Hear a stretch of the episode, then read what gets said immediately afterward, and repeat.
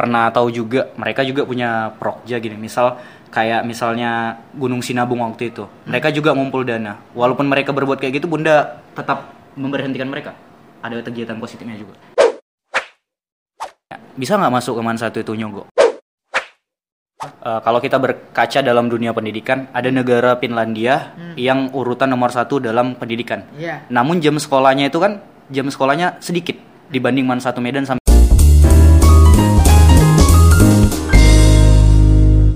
Eh, Bunda sebagai kepala sekolah itu apa sih inspirasinya mengapa Bunda menjadi kepala sekolah? Eh, ibu menjadi kepala sekolah itu meniti karir dari bawah. Saya di Man Satu Medan ini mulai dari honorer. Honorer tahun 1990, terus tahun 1991 diangkat menjadi PNS dari sarjana muda. Dari honor PNS, kemudian tahun 2004 menyelesaikan S1 di Universitas Negeri Medan pendidikan biologi.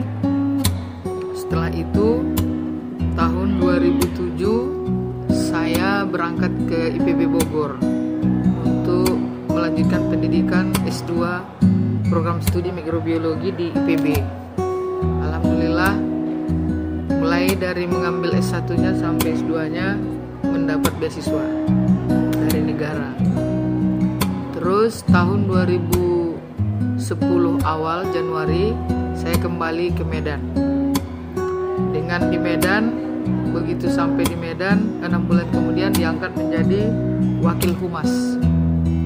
Setelah di wakil humas tahun 2010, menurut kepala madrasahnya waktu itu Pak Burhan Nudin bisa mendatangkan Kapolda, bisa mendatangkan Gubernur Sumatera Utara, bisa mendatangkan Direktur Bank Sumut dan bahkan mendapat bantuan beasiswa dari Bank Sumut untuk 60 orang siswa. Selanjutnya, maka dianggap Pak Burhan ibu berhasil di Humas. Tahun 2011 saya diangkat menjadi wakil kurikulum wakil kurikulum kalau di dalam pendi, apa sekolah pendidikan nasional itu PKS 1 nah setelah itu saya membidangi kurikulum. Pada tahun itu 2012 mulailah SNMPTN maka Man Satu Medan tercatat mendapat penghargaan yang paling banyak muridnya masuk perguruan tinggi negeri se-Indonesia. Nah, selanjutnya setelah berkarir saya menjadi WKM kurikulum, maka saya ikut asesmen. Asesmen itu apa? Asesmen untuk eh, menjadi calon kepala madrasah. Oh, apa namanya? Tes tesnya dulu. Ya, tes. Nah, setelah itu saya ditempatkan di Man 2 Ma- Man Damuli. Nah, dulu namanya Man Kuala Hulu di Kanopan. Datang di situ, saya temukan murid 618 orang. Dua tahun saya di sana, murid yang saya tinggalkan 1100 dan di situ mulailah eh, hampir tinggal SMA. Ada dua sekolah negeri dilewati untuk masuk ke MAN. Melewati SMA 1, melewati SMA Negeri 2, melewati SMK. Tiga sekolah negeri yang dilewati masuk ke MAN. Maka tercatat MAN itu 1100. Dan di situ saya mendapat apresiasi dari Bapak Bupati. Di situ saya dikasih aula. Aula dari Bapak Bupati Labura belum pernah ada sekolah yang dikasih gedung. Maka Man satu, Eman Kuala Hulu mendapat bantuan dari Bapak Bupati Harudin Sah Sitorus. Dan dia sangat-sangat sayang kalau saya tinggalkan Labuan Batu Utara. Tetapi karena di Man satu Medan, kepala Palimasran ditempatkan ke Man Ice karena dia adalah satu-satunya salah satu kepala yang senior. Maka mungkin pemerintah menunjuk dia sebagai kepala Man Insan Cendikia di Tapal Selatan. Maka ibu ditarik di sini semenjak 2017 sampai sekarang. Apakah memang menjadi kepala sekolah itu cita-cita bunda dari kecil? Sebenarnya kalau cita-cita jadi kepala sekolah itu belum, tapi saya bercita-cita pada waktu itu masuk fakultas kedokteran. Tetapi karena orang tua saya dilihat dari kemampuan ekonomi untuk melanjutkan saya ke fakultas kedokteran tidak mungkin. Maka saya memasuki sekolah guru. Dan sebelumnya ibu waktu sekolah itu mendapat juara umum di SMA Negeri 1 Gunung Tua. Nah, jadi sebenarnya cita-cita saya menjadi kepala sekolah itu timbul setelah saya melihat kondisi sekarang ini mungkin kalau saya membina suatu sekolah akan bisa maju dan bagus. Nah, dan ternyata kalau kita objektif menilai Man Satu Medan ini selama kepemimpinan saya sudah jauh lebih maju. Dan terus bun, ketika bunda masih menjadi kepala sekolah Man Satu Medan saat ini, Hmm. apa sih getirnya, apa sih susah, senangnya, sudah suka dukanya ketika bunda menjadi kepala sekolah Man Satu Medan ini? Ya, susahnya pasti ada. Itu menghadap menghadapi orang-orang yang seperti LSM yang suka membuat-buat kita ya kemudian tapi kalau menurut saya itu masih persoalan kecil nah persoalan besarnya eh, kadang-kadang kita kan murid ininya saya maunya murid itu sesuai dengan eh, visi dan misi saya bahwa Madrasah Aliyah Negeri 1 Medan ini harus menjadi siswa nomor satu Sumatera Utara dari segi prestasi. Nah, cuman tidak tercapai untuk 100%. Tapi kan sekian persen sudah kita antar selama ini belum ada juara olimpiade-olimpiade kita sudah antar sampai ke nasional. Selama ini selama ini belum ada pertukaran pelajar ke eh, Amerika. Setelah ibu sudah ada kemudian eh, mendapat beasiswa ke luar negeri sudah ada. Kemudian al hafiz sudah ada kita hasilkan. Dan lain-lain prestasi-prestasi lain sampai seperti pasukan pengibaran bendera sudah sampai membuana sampai ke Jakarta sampai juara nasional. Kemudian di sekolah kita sudah ada namanya tim keagamaan Man Satu Medan yang mengabdi kepada masyarakat selama ini tidak ada dan hampir semua sudah sudah terpenuhi untuk kegiatan-kegiatan ekstrakurikuler. Jadi eh, menurut saya pengembangan untuk siswa itu bukan hanya peningkatan di akademik, tetapi dia harus meningkat di bidang non akademik sehingga talentanya bisa tersalur ke mana arah. Nah, belum ada sekolah yang menerjunkan seperti tim keagamaan Man Satu Medan. Belum ada sekolah yang eh, memperhatikan ke situ, tetapi kita Man Satu Medan sudah berbuat yang terbaik untuk tim keagamaan yang bisa langsung dimanfaatkan oleh masyarakat. Khususnya khususnya masyarakat di bawah naungan Man Satu Medan. Oke, eh, jadi kan bunda ketika bunda memimpin Man Satu ini beredar juga dan sangat viral sekali itu masalah geng, geng itu kan sudah sudah lama memang, tapi viralnya ketika bunda eh, menjadi kepala sekolah. Kenapa bunda ingin sekali menghilangkan geng-geng seperti itu cuma? Oh, saya tidak suka dengan geng motor ini karena orientasi siswa Man Satu Medan itu bukan ke situ arahnya. Nah, mengapa ibu harus bubarkan itu? Karena mengganggu halayak ramai. Contoh, berkumpul-kumpul dengan sekolah lain, oh, membuat-buat apa namanya me- mengeber-ngeber kereta, kemudian pergi ke mana-mana tanpa arah dan tujuan. Dan saya tidak paling benci itu dengan geng motor. Kenapa? Itu yang pertama merugikan orang tuanya sendiri. Kemudian yang kedua mengacaukan masyarakat. Kemudian yang ketiga dikhawatirkan itu menimbulkan nanti hal-hal yang anarkis. Bisa melempar-lempar sekolah, ejek mengejek. Padahal persoalan itu tidak tidak perlu ditimbulkan dan tidak ada persoalan. Tetapi karena dia kumpul dengan geng-geng itu Jadi dia timbul eh, menjadi hal-hal yang sangat merugikan masyarakat. Jadi kalau menurut saya geng motor itu harus hapus dan memang sudah dihapuskan. Nah, tapi masih ada lagi ya kita keluarkan dari sekolah. Dicarinya sekolah yang sesuai dengan tujuannya gitu.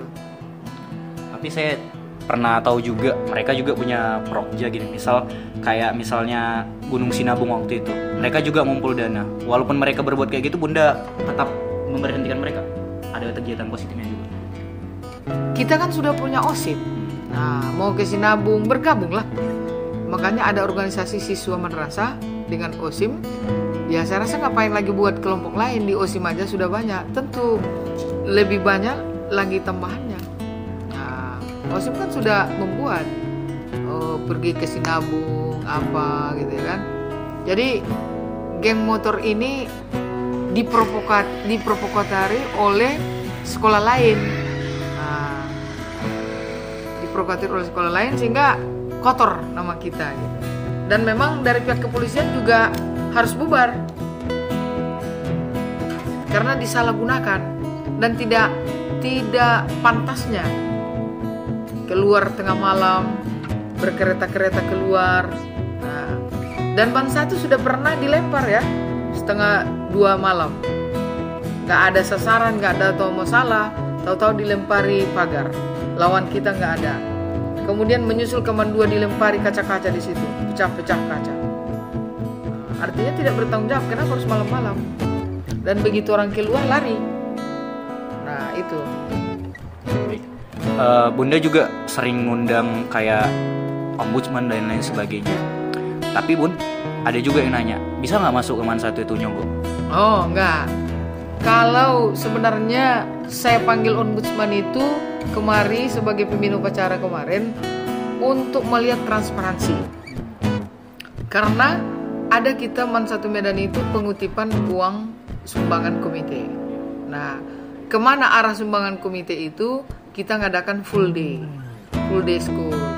Tetapi siswa yang tidak mampu itu benar-benar tidak mampu kita minta surat keterangan dari kepala desa menunjukkan dia tidak mampu itu udah saya hitung ada sekitar kurang lebih 380 orang yang dibebaskan Nah, jadi kita tidak ada di sini eh, tidak jelas Nah, kalau soal menyogok keman satu Medan itu tidak ada ya itu tidak ada saya pastikan tidak ada Jangan ada menyogok. Apalagi tahun depan, Man Satu Medan sudah meranjak ke program berbasis SKS, sistem kredit semester. Dan ada lembaga independen yang untuk mentes itu nanti. jadi intinya man satu itu nggak bisa disogok ya Eh, baik selanjutnya mengenai Kalaupun ada itu mungkin orang luar yang menjelek-jelekkan Man Satu. Nah, gitu. Baik. Eh, selanjutnya kita pertanyaan lebih kepada pribadi. Eh, arti sukses menurut Bunda itu apa sih? Sukses menurut saya eh, lebih baik Eh, apakah dia lebih lebih sebelumnya. apakah dia lebih kecondong orientasinya ke dalam bidang material? Ah, sukses itu kaya apa lain sebagainya? Apa gitu? Tidak. Sukses itu adalah bisa memanfaatkan ilmu pengetahuannya untuk kesejahteraan hidupnya. Kalaupun dia S2, S3 tapi bisa tidak bisa dimanfaatkan untuk mensejahterakan dirinya, masyarakat dan sebagainya. Jadi bukan orientasinya sukses itu kaya, tidak. Artinya mampu dia, misalnya dia jadi guru, mampu dia sukses jadi guru itu kayak mana? Sukses jadi guru itu mampu dia menerapkan ilmunya dan membuat orang itu lebih bak lebih hebat. Baik Bun. Eh, barusan ini kan Bunda buat kebijakan nih yang nggak masuk tepat waktu itu dikeluarkan. Itu kenapa baru sekarang Bunda buat? Kenapa nggak dari dulu? Ah, ini saya kan terus survei. Dulu sekolah ini karena di sini saya honor dulu di sini. eh, siswa apabila terlambat kena denda 5000 Makin banyak uang, makin banyak yang terlambat. Ma- sampai berjuta-juta uang. Bahkan ada orang tua murid yang mau membayar dendanya untuk sebulan. bayar denda untuk sebulan untuk membayar dia tidak hadir. Jadi 5000 kali 6 30000 seminggu kali 4 minggu 120.000. Dia mau bayar 150 sebulan untuk membayar membayar anaknya terlambat satu bulan. Bertambah banyak komunitasnya, maka dibatalkan. Terus lagi lanjut lagi dibuat membaca Al-Quran, menghafal Al-Quran. Makin banyak lagi. Sehingga saya lihat berkumpul-kumpul. Berkumpul-kumpul terlambat. Dan pengawasan terhadap membaca Al-Quran karena guru punya kesibukan masing-masing, punya jam belajar tatap muka di kelas, lalu ditinggal anak-anak, tidak terjaga yang terlambat ini dan makin banyak. Dulu dibuat juga membaca di perpustakaan, makin banyak komunitasnya. Nah, terus-terusan makin banyak. Dibuat menyapu, makin banyak menyapu. Dan tugas murid itu bukan menyapu membersihkan karena sini sudah ada petugas kebersihan. Jadi murid itu rela dia terlambat, ah menyapu dua jamnya selesai. Nah, jadi menurut saya kenapa komitmen seperti itu? Kalau dia memang mau komitmen untuk belajar dia pasti cepat datang. Nah, siapa yang menyanyiakan waktunya berarti dia tidak ada komitmen untuk belajar. Tapi kan ada juga siswa yang tempat tinggalnya jauh. Ya dia berusaha bagaimana supaya cepat. Jadi kegigi- kegigihan yang dilihat. Iya, kegigihan dia, kesungguhan dia, oh, keikhlasan dia untuk sekolah di sini. Kenapa dia memilih sekolah yang yang jauh? Ah, macam kamu lah, kamu di Rantau Perapat. Kenapa kau harus ke Man Satu Medan? Kenapa tidak di Man Rantau aja? Ada Man Rantau, Man Labusel ada, Man Ek Godang ada, Huta Godang ada. Tapi kau kan tetap Man Satu. Pasti ada tujuanmu itu. Saya kalau ke Man Satu itu harus lebih baik. Itu ya. Iya. Ya, itu pasti. Eh, kalau kita berkaca dalam dunia pendidikan, ada negara Finlandia yang urutan nomor satu dalam pendidikan. Ya. Namun jam sekolahnya itu kan jam sekolahnya sedikit dibanding Man Satu Medan sampai sore. Mereka hanya menekankan kurang lebih 6 jam sekolah. Itu Bunda melihat hal itu gimana? Oh iya kalau Finlandia itu negara maju. Kita kebiasaan kita orang Indonesia ini apabila ada kebebasan ya bebas. Gak usah jauh-jauh lah. Ini guru-guru kan libur tiga hari. Nah kalau bebas ya nggak mengajar ya bebas. Nggak ada yang di ruang di ruang apa lagi di ruang guru. Padahal yang dikerjakan di ruang guru banyak. Contohlah saya banyak yang saya kerjakan di sini Meng- mengontrol ina, mengontrol keuangan, mengontrol swasta. Kalau kau dari dari pagi kan, bukan cerita-cerita oh, ngobrol-ngobrol yang nggak apa di sini, menyelesaikan masalah gitu. Jadi kalau Finlandia itu tidak bisa kita belum bisa bisa diterapkan di Indonesia karena yang pertama dari segi ekonomis. Jadi di Finlandia itu jatuh dompetmu pun nggak akan ada yang ngambil kereta nggak akan ada yang ngambil. Saya pernah punya family berangkat dia ke London, Iya. kemudian tinggal dompetnya, sudah dua hari, balik dia ke situ di hotel itu masih ada dompet. Itu terbukti, nggak akan ada, walaupun berjuta uangmu di situ. Kejujuran ya. Kejujuran, nah, kejujuran orang tua, anak. Kita di Man satu ini kendala sudah disiplin kadang-kadang orang tua tidak terima. Dia tidak terima anaknya eh, diberikan Sanksi. eh, sanksi. Banyak yang komplain kepada saya. Sering Bunda ya. Ya sering. Tapi saya karena tegas, tidak ada yang berani. Ada yang sampai ekstrim kali nggak Bu? Ya saya ter- terus terang aja aku bilang kepada diri bunda, saya aja kepala sekolah berusaha saya setengah tujuh berangkat dari rumah. Bahkan 6.20 saya berangkat dari rumah. Terus kan Bunda sering juga bilang di upacara ini, saya ini wanita tubuhnya, tapi jiwanya lelaki. Kenapa Bunda berprinsip seperti itu? Oh, memang saya perempuan. Ya biasanya perempuan itu lemah. Nah, saya perempuan tapi jiwa saya laki-laki. Jiwa saya laki-laki itu maksudnya berani berbuat untuk membela kebenaran gitu. Itu ada nggak inspirasinya kenapa Bunda bersikap seperti itu? Iya. Inspirasinya karena kalau sudah saya prinsip seorang laki-laki dan perempuan berarti dia bisa jadi seorang ibu, bisa jadi seorang pekerja. Di rumah juga gitu. Saya anggap saya eh, laki-laki. Jadi seorang laki-laki. Laki-laki berarti tegas mampu menghadapi gitu. tidak cengeng gitu kira-kira. Baik bun. Ini pertanyaan terakhir. Eh kan kita sebagai manusia ini kan bukan robot. Pasti ada yang namanya jenuh. Bunda kan melihat kalau full day ini kan pasti kebanyakan jenuh. Itu gimana bunda tangga- tanggapannya itu tidak ada jenuh itu karena dari dirinya sendiri tidak termotivasi. Tidak termotivasi dia untuk belajar.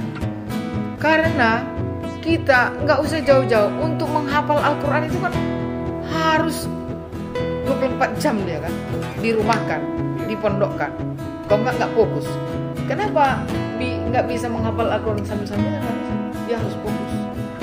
Apalagi belajar jadi tang- tanggapan bunda kalau misalnya ada murid yang bilang "Eh, baik full day dihapuskan aja gitu? Tidak bisa. Ya kalau full day itu berarti dia ingin bebas karena udah saya nggak usah jauh-jauh. Murid ini kalau pulang jam 1 itulah ke mana-mana udah. Karena dia membayar untuk les besar biayanya. Les di GO 10 juta. Kita full day kan hanya 2 juta 400 sekarang. sudah bisa mendatangkan tentor dan tentornya itu kan dipilih. Kalau dimanfaatkannya untuk belajar ya udah. Dia akan sukses. Bisa memasuki perguruan tinggi baik swasta maupun negeri. Oke. Eh, sebagai penutup nih bun, Eh, bunda ada nggak ngasih apa namanya nasihat untuk siswa kelas 12 atau kelas 11 atau 10? semuanya. Ya, mana yang bisa saya lalui tetap memberikan apa wejangan. Bunda kasih. Nasihatnya di podcast ini. iya.